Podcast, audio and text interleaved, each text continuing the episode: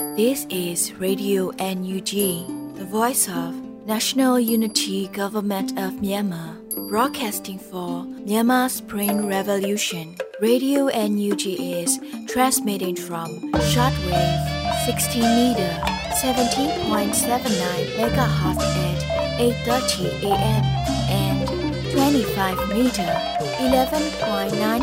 megahertz at 8:30 p.m. Myanmar Standard Time. မင်္ဂလာပါရှင်အမျိုးသားညီညွတ်ရေးအစိုးရရဲ့အတန်လွတ်ဌာနရေဒီယို NUG ကိုမန္တပိုင်း၈နိုင်ခွဲမှာလိုင်းတူ6မီတာ19တက်သမခွန်ကုန်းမဂါဟတ်စ်နဲ့ညပိုင်း၈နိုင်ခွဲမှာလိုင်းတူ25မီတာ17တက်သမ6လီမဂါဟတ်စ်တို့မှာဓာတ်ရိုက်ဖမ်းယူနားဆင်နိုင်ပါပြီရှင်မင်္ဂလာအပေါင်းနဲ့ကြည့်ကြကြပါစို့အခုချိန်ကစပြီးရေဒီယို NUG စီစဉ်လေးကိုဓာတ်ရိုက်အတန်နဲ့ပေးနေပါပြီ မြန်မာနိုင်ငံသူနိုင်ငံသားအပေါင်းတဘာဝဘေးစစ်အာဏာရှင်ဘေးတို့ကနေကင်းဝေးပြီးကိုစိတ်နှပါအေဂျင့်လုံခြုံကြပါစေလို့ Radio NUG ကနှုတ်ခွန်းဆက်တာအပ်ပါတယ်။ဒီကနေ့2024ခုနှစ်ဖေဖော်ဝါရီလ18ရက်နေ့ Radio NUG ညပိုင်းအစီအစဉ်တွေကိုစတင်တင်ဆက်ပေးတော့မှာမို့ခုပထမဆုံး Radio NUG စည်ရေးသတင်းကောင်းနှုတ်ချက်ကိုຫນွေဦးမောင်ကတင်ပြပေးမှာဖြစ်ပါတယ်ရှင်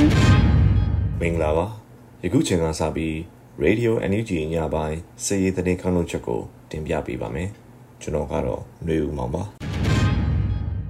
ပထမအဆုံးတင်ဆက်ပေးမယ့်သတင်းကတော့မောင်တော်ရှိဘော်ဒီကုံစခန်းကို24နာရီအတွင်းတင်ပိုက်ရင်ဆိုင်တိုက်ပွဲများတွင်စစ်တပ်ဘက်က30တိတ်ဆုံးခဲ့တဲ့သတင်းကိုတင်ဆက်ပေးပါမယ်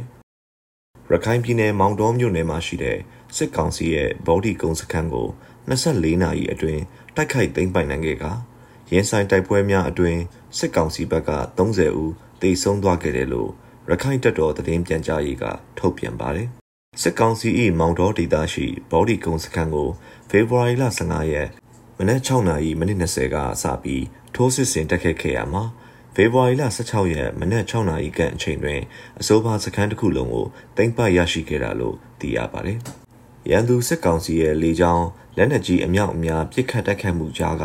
အပိသက်သိမ့်ပတ်ရယူနိုင်ခဲ့တာဖြစ်တယ်လို့လည်းရခိုင်တပ်တော်ကအသိပေးထားပါတယ်။အဆိုပါစခန်းတိန်တိုက်ပွဲမှာစစ်ကောင်စီတပ်ဖွဲ့ဝင်အလောင်း14လောင်းအပါအဝင်လက်နက်ခဲယမ်းတချို့ကိုလည်းသိမ်းဆည်းရရှိခဲ့တာကြောင့်အချိန်တိုအတွင်းအထိအခိုက်အနည်းဆုံးနဲ့စခန်းသိမ်းနိုင်ခဲ့တဲ့တိုက်ပွဲဖြစ်တယ်လို့ဆိုပါတယ်။အလားတူပင်ဖေဖော်ဝါရီလ16ရက်မနက်7:15မိနစ်အချိန်ကပ်မှာလဲမောင်တော်မြို့က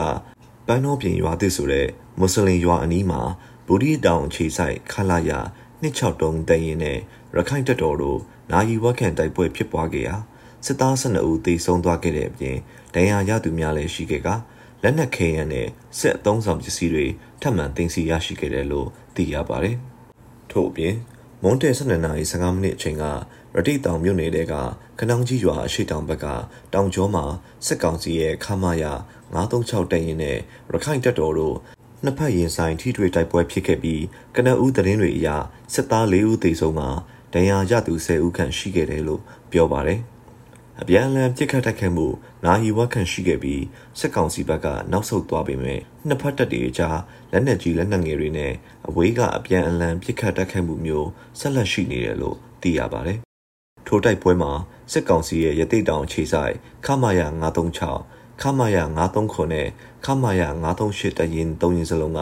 လက်နက်ကြီးပစ်ကူတွေအပြင်ရေချောင်းလေချောင်းကလည်းလက်နက်ကြီးပစ်ကူတွေနဲ့ပစ်ကူပေးတိုက်ခိုက်ခဲ့တယ်လို့ရခိုင်တပ်တော်သတင်းနဲ့ပြန်ကြားရေးကထုတ်ပြန်ထားပါတယ်ခင်ဗျာဆက်လက်ပြီးစစ်တပ်ထောက်ပို့မော်တော်တစ်စင်းကိုတိုက်ခတ်မှုစစ်သားချက်ဦးသေးဆုံးက15ဦးထပ်မံဒဏ်ရာရရှိခဲ့တဲ့တဲ့ကိုတင်ဆက်ပေးပါမယ်။စ ကိုင်းတိုင်း6ဦးမြို့နယ်အမြင့်မြို့ဟောင်းမှာရှိတဲ့စစ်တပ်အထိုင်စခန်းကနေရိတ်ခါပို့ပြီးပြန်လာတဲ့စစ်တပ်ထောက်ပို့မော်တော်တစ်စင်းကိုပြည်သူ့ကာကွယ်ရေးအဖွဲ့တွေတိုက်ခိုက်ခဲ့ရာစစ်သားရှိဦးထပ်မံတေဆုံးပြီး15ဦးကျော်ဒဏ်ရာရရှိသွားတယ်လို့တော်လန်အင်အားစုတွေကပြောပါတယ်။ ဖေဖော်ဝါရီလ15ရက်နေ့မနက်7:00နာရီအချိန်ကစစ်တပ်ထောက်ဖို့မော်တော်တစင်းချင်းတွင်းမြစ်ကြောင်အတိုင်းမုံရွာစိတ်ကမ်းကထွက်လာခဲ့ပြီး6ဦးမြို့နယ်အမြင့်မြို့ဟောင်းကစစ်တပ်အထိုင်စခန်းကိုရိတ်ခါပူခဲ့ပြီးတဲ့နောက်အဆိုပါမော်တော်ဟာစင်ပြူရှင်တရားမှာအထိုင်ချတက်ဆွဲထားတဲ့စစ်ကောင်စီတပ်ဖွဲ့ထံရိတ်ခါထောက်ပံ့မှုဆက်လက်ထွက်ခွာလာချိန်မှာပြည်သူ့ကာကွယ်ရေးအဖွဲ့တွေနဲ့ထိထွေတိုက်ပွဲဖြစ်ခဲ့တယ်လို့သိရပါတယ်။ရိတ်ခါပူပြီးပြန်လာတဲ့အဆိုပါမော်တော်ဟာ ချောင်းဦးမြို့နယ်ကံကြီးကုန်းပြူရွာကိုလည်းရိတ်ခါပို့ခဲ့သေးတယ်လို့ဆိုပါတယ်။ထို့သောရိတ်ခါပို့ပြီးတဲ့နောက်မုံရွာစိတ်ကမ်းကိုပြန်လည်ထွက်ခွာချိန်မှာဒေါ်လန်ရေးတပ်ဖွဲ့တွေက RPG တလုံးအပါအဝင်လက်နက်ငယ်တွေနဲ့ပစ်ခတ်ခဲ့တယ်လို့ဒရုန်းနဲ့ဘုံတိချတိုက်ခိုက်ခဲ့ရာစစ်ကောင်စီတပ်ဖွဲ့ဝင်တအူးနဲ့မော်တော်ရေရင်မောင်းတိတ်ဆုံးခဲ့ပြီးစစ်ဗိုလ်တအူးအပြင်းထန်ဒဏ်ရာရရှိသွားတယ်လို့မုံရွာခရိုင်အမှတ်7နှစ်တရင်တခွဲ3လျှက်စီးတခွဲကထုတ်ပြန်ပါတယ်။ အဆိုပါတိုက်ခိုက်မှုကိုမုံရွာခရိုင်အမှတ်7နှစ်တရင်တခွဲ3လျှက်စီးတခွဲတခွဲ4မီးတောက်တခွဲငမိုးရိပ်စစ်ကြောင်းမုံရွာခရိုင်ပခဖစစ်ကြောင်းချောင်းဦး Local Defense Force CLDF Royal Tiger Force နဲ့မုံရွာခရိုင်အမှတ်၈တရင်တို့ပူးပေါင်းလှုပ်ဆောင်ခဲ့တာဖြစ်ပါတယ်။ အဆိုပါထောက်ဖို့မော်တော်ကန်ကြီးကုန်းပြူရွာကနေစစ်ကောင်စီတပ်ဖွဲ့နဲ့ပြူစောထီတွေကိုတင်ပြီးချင်းတွင်းမြစ်ကြောင်အတိုင်းမုံရွာဘက်ပြန်လည်ထွက်ခွာလာချိန်မုံရွာနဲ့ဆလင်ကြီးကြားမှာ BNRA စေတံတပ်ဖွဲ့ကကြားပြတ်တိုက်ခိုက်ခဲ့တာကြောင့်လည်းစစ်ကောင်စီတပ်ဖွဲ့ဝင်9ဦးသေဆုံးခဲ့က15ဦးခန့်ပြင်းထန်ဒဏ်ရာရရှိခဲ့တယ်လို့သိရှိရပါတယ်ခင်ဗျာ။ ဆက်လက်ပြီးမအီမျိုးရှိစစ်ကောင်စီတပ်ဖွဲ့နဲ့ရဲတပ်ဖွဲ့ဝင်အချို့ကိုစစ်တပ်ကရဟတ်ရင်ဖြင့်ရွှေ့ပြောင်းခဲ့တဲ့တဲ့တင်ကိုတင်ဆက်ပေးပါမယ်။ရခိုင်ပြည်နယ်တောင်ကုတ်မြို့နယ်မအီမျိုးကစစ်ကောင်စီတပ်မိသားစုဝင်များအပါအဝင်စစ်ကောင်စီတပ်ဖွဲ့ဝင်တွေနဲ့ရဲတပ်ဖွဲ့ဝင်အချို့ကိုစစ်တပ်ကရဟတ်ရင်နဲ့လာရောက်ခေါ်ဆောင်သွားတယ်လို့ဒေသတွင်းသတင်းရင်းမြစ်တွေစီကသိရပါတယ်။ဖေဖော်ဝါရီလ15ရက်နေ့မွန်းလွဲပိုင်းအချိန်မှာစစ်တပ်မိသားစုဝင်များစစ်ကောင်စီတပ်ဖွဲ့ဝင်တွေနဲ့ ရဲတပ်ဖွဲ့ဝင်တွေအပါအဝင်လက်နက်ခဲယမ်းတွေကိုရဟတ်ရင်နဲ့တင်ဆောင်သွားတာလို့ဒေသခံတွေရဲ့ပြောဆိုချက်ကိုကိုးကားပြီး Western မှာဖော်ပြထားပါတယ်။မအီမြို့ဘောလုံးကွင်းမှာစနိုးပြီးရထားတဲ့ရဟတ်ရင်ပေါ်ကိုလက်နက်ခဲယမ်းတွေတင်ဆောင်နေတဲ့ရုပ်သံမှတ်တမ်းဗီဒီယိုဖိုင်တစ်ခုလူမှုကွန်ရက်စာမျက်နှာမှာပြန့်နေတာလည်းရှိပါတယ်။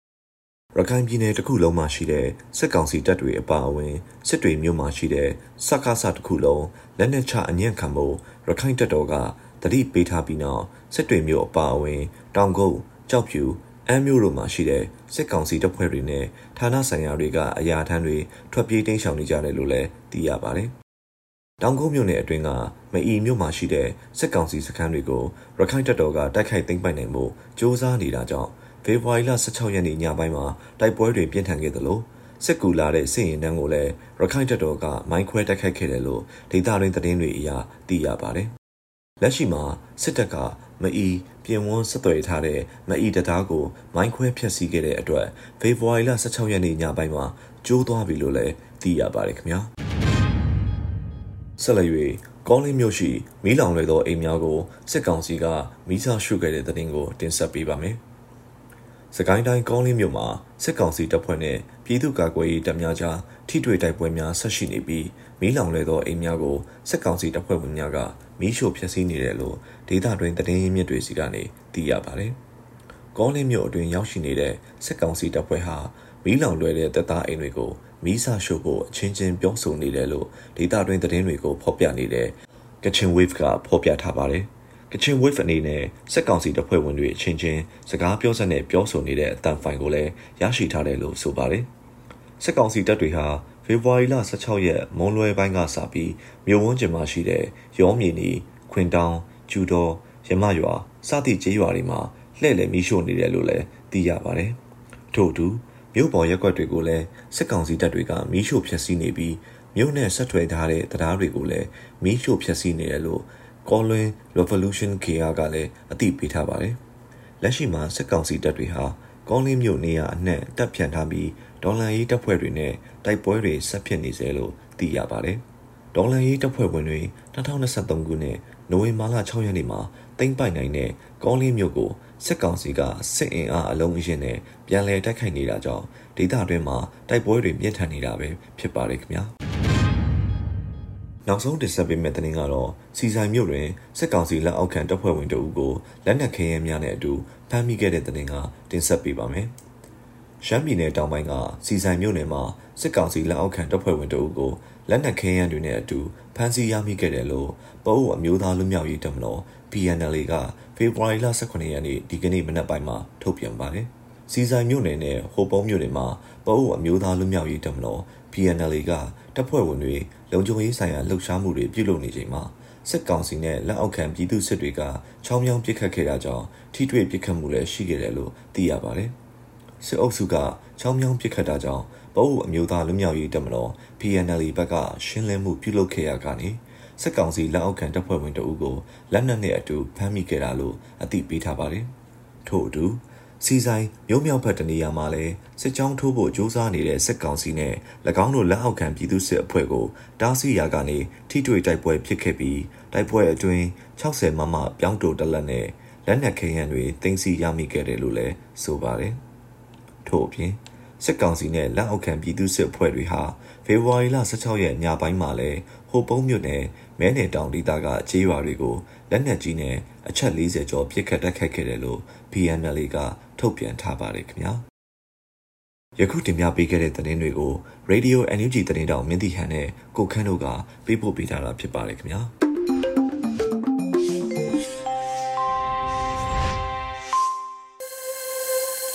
ရေဒီယို NUG မှဆက်လက်အသံလွှင့်ပေးနေပါတယ်။ခုဆက်လက်ပြီးပြည်ရင်းသတင်းများကိုကျမຫນွေဦးမုံကတင်ပြပေးသွားမှာဖြစ်ပါတယ်ရှင်။မင်္ဂလာညချမ်းပါရှင်။2024ခုနှစ်ဖေဖော်ဝါရီလ18ရက်နေ့ရေဒီယို NUG ပြည်တွင်းသတင်းတွေကိုတင်ပြပေးသွားပါမယ်။ကျွန်မကတော့ຫນွေဦးမွန်ပါ။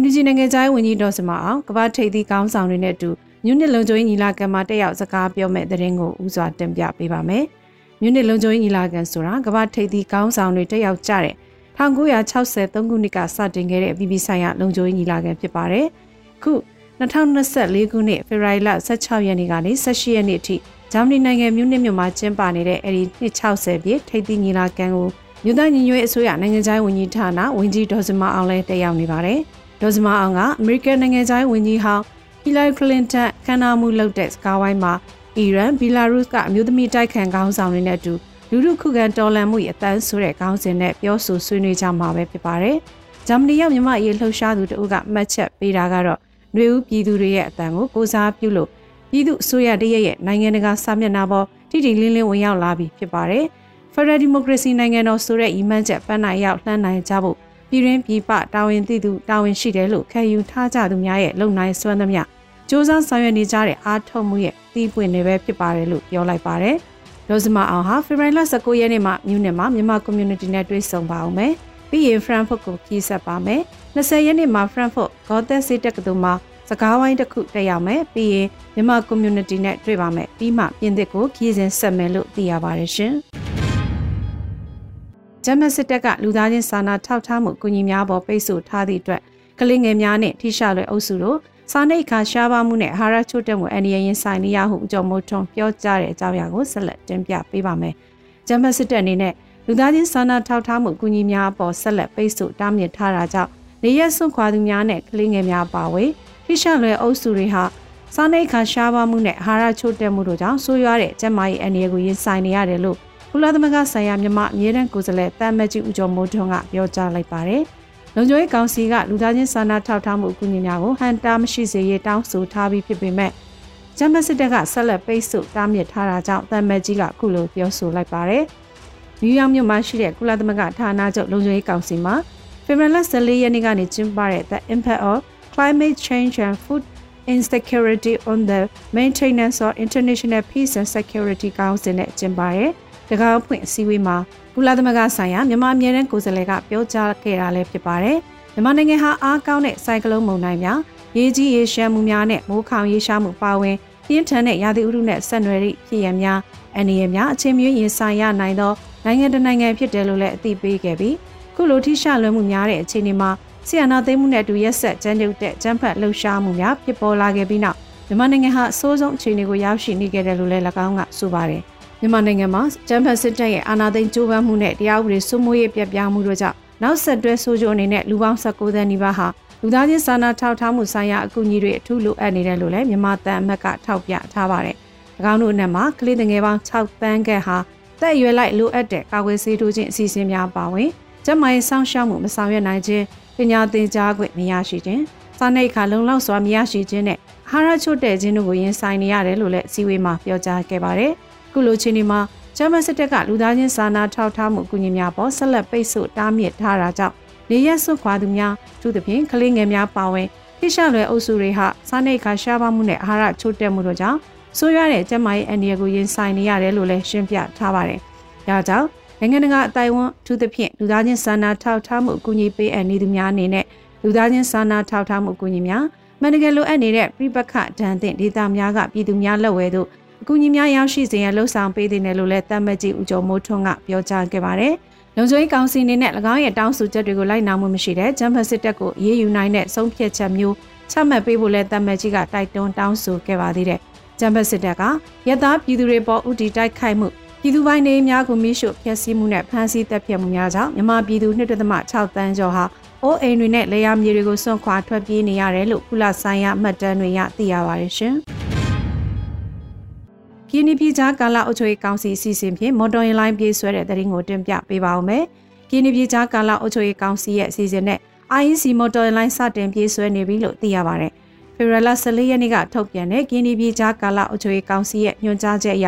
ဒီမော့ဆိုမော်ချီမဲဆဲမျိုးတွေကို IEC ယာဉ်လိုင်းစတင်ပြေးဆွဲခဲ့တာဖြစ်တယ်လို့ဆိုမကောင်စီကုသန်းရောင်းဝယ်ရေးနဲ့ပို့ဆိုင်ဝန်ကြီးဌာနတရုတ်ပို့ဆိုင်ဌာနခွဲကဖေဖော်ဝါရီ16ရက်နေ့ညပိုင်းမှာထုတ်ပြန်ပါတယ်။ကင်းနီပြည်နယ်ကြီး ဂျာကန်လအစီမံပုံမှ30နဲ့ပုံမှခွဲခါခွဲပုံမှခွဲငယ်1နဲ့ပုံမှခွဲငယ်9တို့ပါပြဋ္ဌာန်းချက်နဲ့အညီကုံသွဲရေးယင်းနှမြုံနယ်မှုနဲ့ပို့ဆောင်ဆက်သွယ်ရေးဌာနကိုကင်းနီပြည်ဂျာကန်လအုပ်ချုပ်ရေးကောင်စီကဖေဖော်ဝါရီ12ရက်နေ့မှာစတင်ဖွဲ့စည်းခဲ့ပြီးရပိုင်းအတွင်းမှာပဲ IEC ရင်လိုင်းစတင်ပြည့်စွဲခဲ့တာဖြစ်ပါတယ်။ကင်းနီပြည်ဂျာကန်လအုပ်ချုပ်ရေးကောင်စီကို2023ခုနှစ်ဇွန်လ22ရက်မှာစတင်ဖွဲ့စည်းခဲ့တာဖြစ်ပြီးဖရန်ပြည်ထောင်စုရဲ့အစိပ်ပိုင်းတစ်ခုအနေနဲ့ ကိုပြည်နယ်ကိုစီမံအုပ်ချုပ်နိုင်တဲ့အထိကင်းဒီပြည်ကြားကာလအုပ်ချုပ်ရေးကောင်စီ IEC ကအီမန်ထားပါတယ်။မြေပြင်အုပ်ချုပ်ရေးရနေရလဲပတ်နိုင်ဖို့ဖွဲ့စည်းထားတဲ့ IEC ဟာကင်းဒီပြည်တိုင်ပင်ခံကောင်စီ KSCC လက်အောက်ကနေတွားနေတဲ့အဖွဲ့အစည်းတစ်ခုလည်းဖြစ်ပါတယ်ရှင်။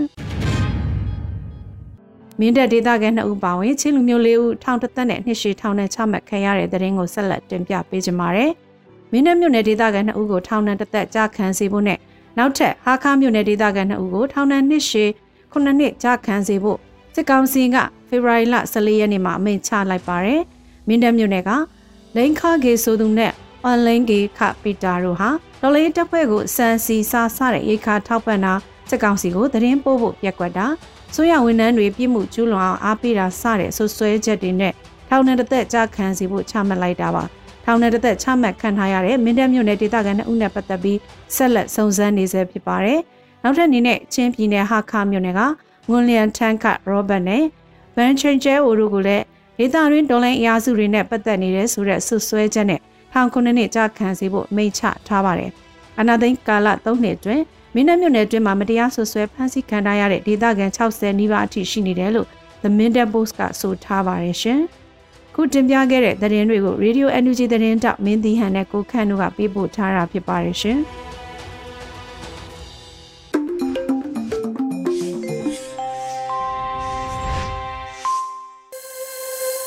ဆက်လက်နားဆင်ကြရမှာကတော့တော်လင်းကြပြခန္ဓာဖြစ်ပါတယ်။နှွေဦးဝေရေးသားထားတဲ့ဇီရီအိမ်ပြန်လာတဲ့အခါလို့ညီပေးထားတဲ့ကြပြလေးကိုနှွေဦးမိုးကခန်းစားရွတ်ဖတ်ပေးมาဖြစ်ပါတယ်ရှင်။ဇီရီအိမ်ပြန်လာတဲ့အခါသမီးငယ်လေးအိမ်ပြန်လာတဲ့အခါမုံတိုင်းစိုးကြီးကိုရန်သူတွေစီပို့ပစ်မယ်။သမီးငယ်လေးအိမ်ပြန်လာတဲ့အခါအိမ်မက်ဆိုးတွေကိုဖျားပန်းအိုးထဲထည့်ပစ်မယ်။ သမီးငယ်လေးအိမ်ပြန်လာတဲ့အခါဖုံတက်နေတဲ့ပြက်စုပ်ပံကိုခါချပြစ်မယ်သမီးငယ်လေးအိမ်ပြန်လာတဲ့အခါစီကုံနေတဲ့အနာဂတ်ကိုတိုင်ကြီးအဖြစ်စီပြန်ဖြစ်မယ်သမီးငယ်လေးအိမ်ပြန်လာတဲ့အခါကြောက်စရာအတိတ်နဲ့အတိတ်ဘဝအကြောင်းကိုနာနာဘဝတွေကိုပြရိတ်ရွတ်ခိုင်းမယ်သမီးငယ်လေးအိမ်ပြန်လာတဲ့အခါစိတ်တွေအစာပြေဖို့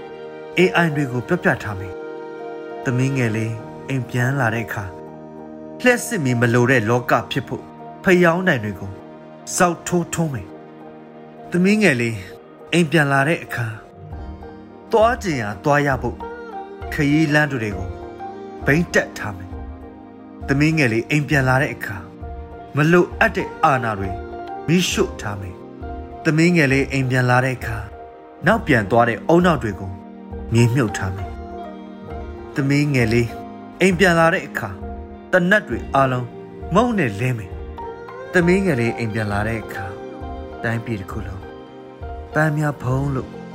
အလန်းဆုံးပြုံပြီးကြုံနေကြမယ်။သမီးငယ်လေးအိမ်ပြန်လာတဲ့အခါလွတ်လပ်ရဲစွမ်းလူငယ်လှမ်းတဲ့ခြေလှမ်းတိုင်းဟာတိုင်းပြည်တိုင်းကအတူယူရတဲ့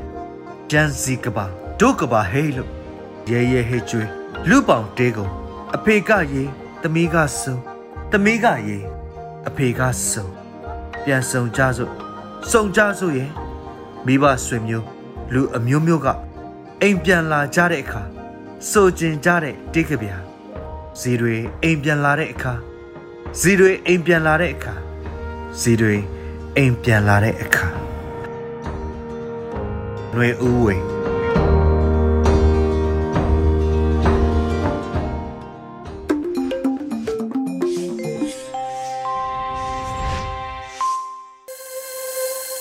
ရေဒီယို Energy သောတာရှင်များရှင်ဆက်လက်ပြီးတော်လိုင်းကာလအတွင်းပြည်သူများလုံခြုံစွာနေထိုင်နိုင်ရေးအစီအစဉ်လေးကိုပြည်သူချစ်တော်မင်းသမီးကျော်လေးပိုင်ဖြူသူကတင်ဆက်ပေးမှာဖြစ်ပါတယ်ရှင်။တော်လန်ရေးကာလအတွင်းပြည်သူတဦးတယောက်စီကစလို့တမိသားစုတရက်ကွက်တမျိုးနယ်အထိလုံခြုံစွာနေထိုင်နိုင်ဖို့အတွက်ကြိုတင်ပြင်ဆင်ကြရမယ့်လိုအပ်ချက်တွေကိုသူသူပြောပြပေးခြင်းပါတယ်။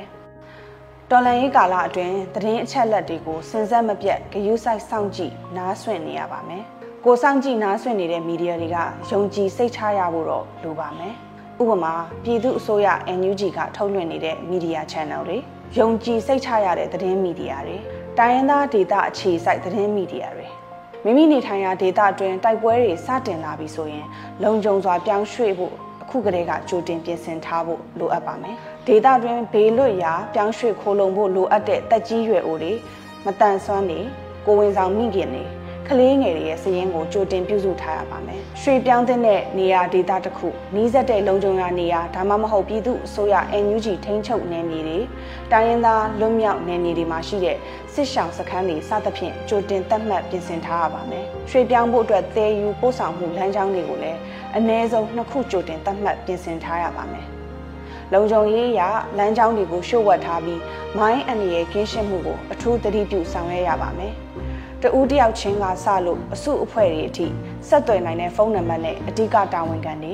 စေဝါကုသပေးနိုင်တဲ့ကျန်းမာရေးတာဝန်ခံတွေရဲ့ဖုန်းနံပါတ်တွေကိုစာရင်းပြုစုထားရပါမယ်။မိသားစုတွေပြန်လည်ဆုံတွေ့ဖို့စုရက်တစ်ခုကိုလည်းသတ်မှတ်ပြုလုပ်ထားရပါမယ် မိမိအိမ်ကထွက်ခွာချိန်မှာကိုနဲ့မပါယူဆောင်သွားဖို့အရေးပေါ်အိတ်ကိုပြင်ဆင်ထားရပါမယ်အဲ့ဒီအိတ်ထဲမှာဘာတွေပါသင့်တယ်လဲဆိုတော့အရေးကြီးစာရွက်စာတမ်းငွေသားတန်ကတ်စေဝါ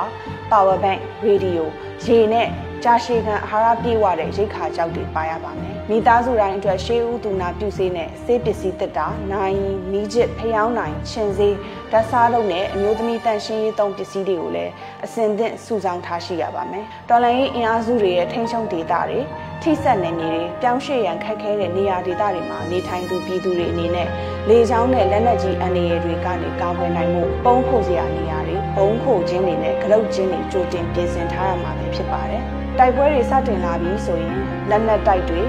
ရဲစခန်းတွေစစ်တပ်စစ်ဆေးရေးဂိတ်တွေ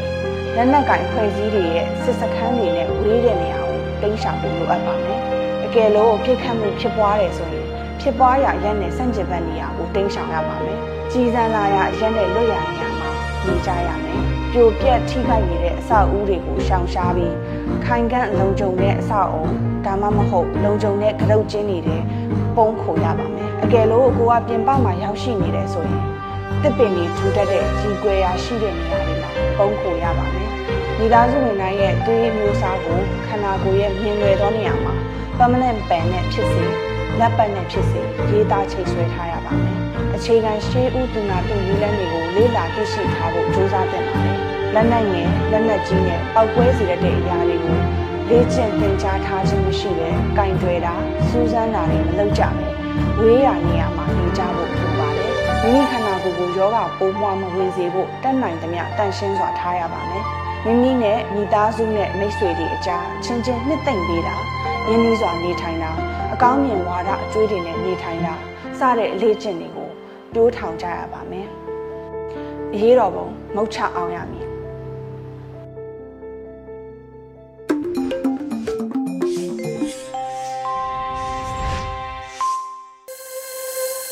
Radio Energy မှာဆက်လက်အသံလွှင့်ပေးနေပါတယ်။ခုဆက်လက်ပြီးတော်လရင်ဒေဂီတာအစီအစဉ်မှာတော့ဒေါက်တာလှဘူးရေးဖွဲ့ထားတဲ့အချင်းစံမြမပြည်ဆိုတဲ့ဒေသချင်းကို ဒေါက်တာလှဘူးကိုမင်းအောင်ခိုင်မတ်ဆယ်လီမနုနူလိုင်းတို့ကတီးဆိုထားတာကိုနားဆင်ကြရပါမယ်ရှင်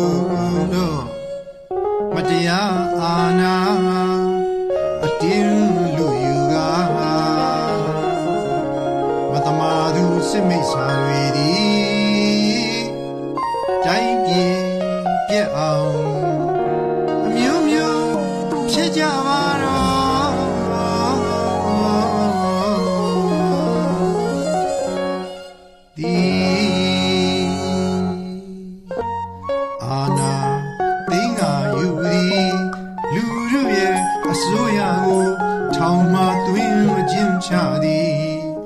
က်ဆိုးမရှိအောင်အတီးလွတ်မြောက်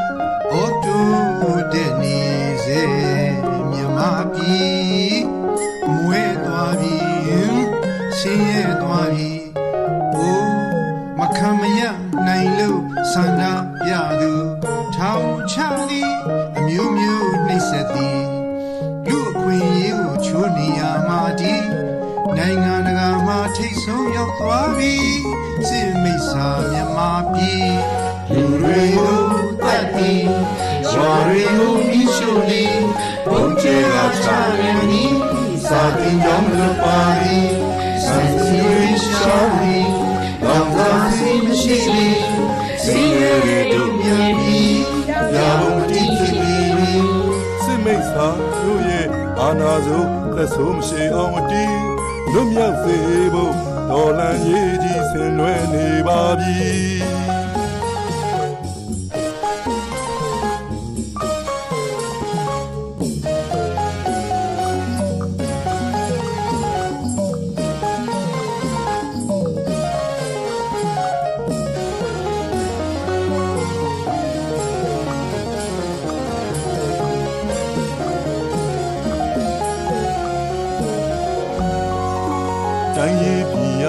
ပြီချုပ်ရေးရာနားမလဲကြတော့တနေ့နေ့ပြစ်ခါနှိမ့်ဆက်ပြရင်ကြောက်စေရမည်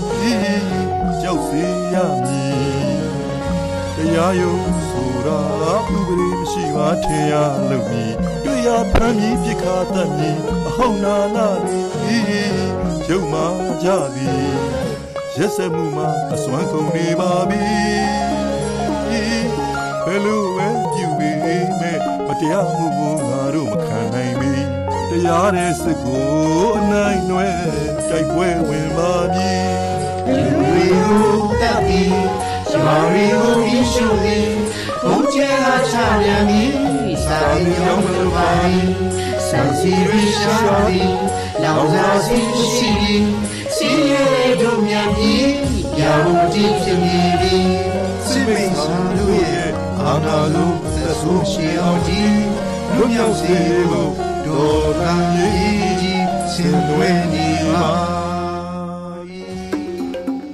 ဒီကနေ့ကတော့ဒီညနေပဲ Radio NUG ရဲ့အစီအစဉ်လေးကိုခေတ္တရ延လိုက်ပါမယ်ရှင်မြန်မာစံတော်ချိန်မနေ့၈နိုင်ခွဲနဲ့ည၈နိုင်ခွဲအချိန်တွေမှာပြောင်းလဲဆိုပြကြပါစို့ရှင် Radio NUG ကို မနက်ပိုင်း၈နိုင်ခွဲမှာလိုင်းတူ16မီတာ19.7 MHz နဲ့ညပိုင်း၈နိုင်ခွဲမှာလိုင်းတူ25မီတာ17.6 MHz တို့မှာဓာတ်ရိုက်ဖမ်းယူနားဆင်နိုင်ပါပြီရှင်မြန်မာနိုင်ငံသူနိုင်ငံသားများကိုစိတ်နှဖျားစမ်းမချမ်းသာလို့ဘေးကင်းလုံခြုံကြပါစေလို့ Radio NUG ရဲ့ဖွဲ့သူဖွဲ့သားများကဆုတောင်းလိုက်ရပါတယ်။ San Francisco Bay Area အခြေစိုက်မြန်မာမိသားစုများနိုင်ငံတကာကစေတနာရှင်များလိုအားပေးမြရဲ့ Radio NUG ဖြစ်ပါတယ်ရှင်။အရေးတော်ပုံအောင်ရမည်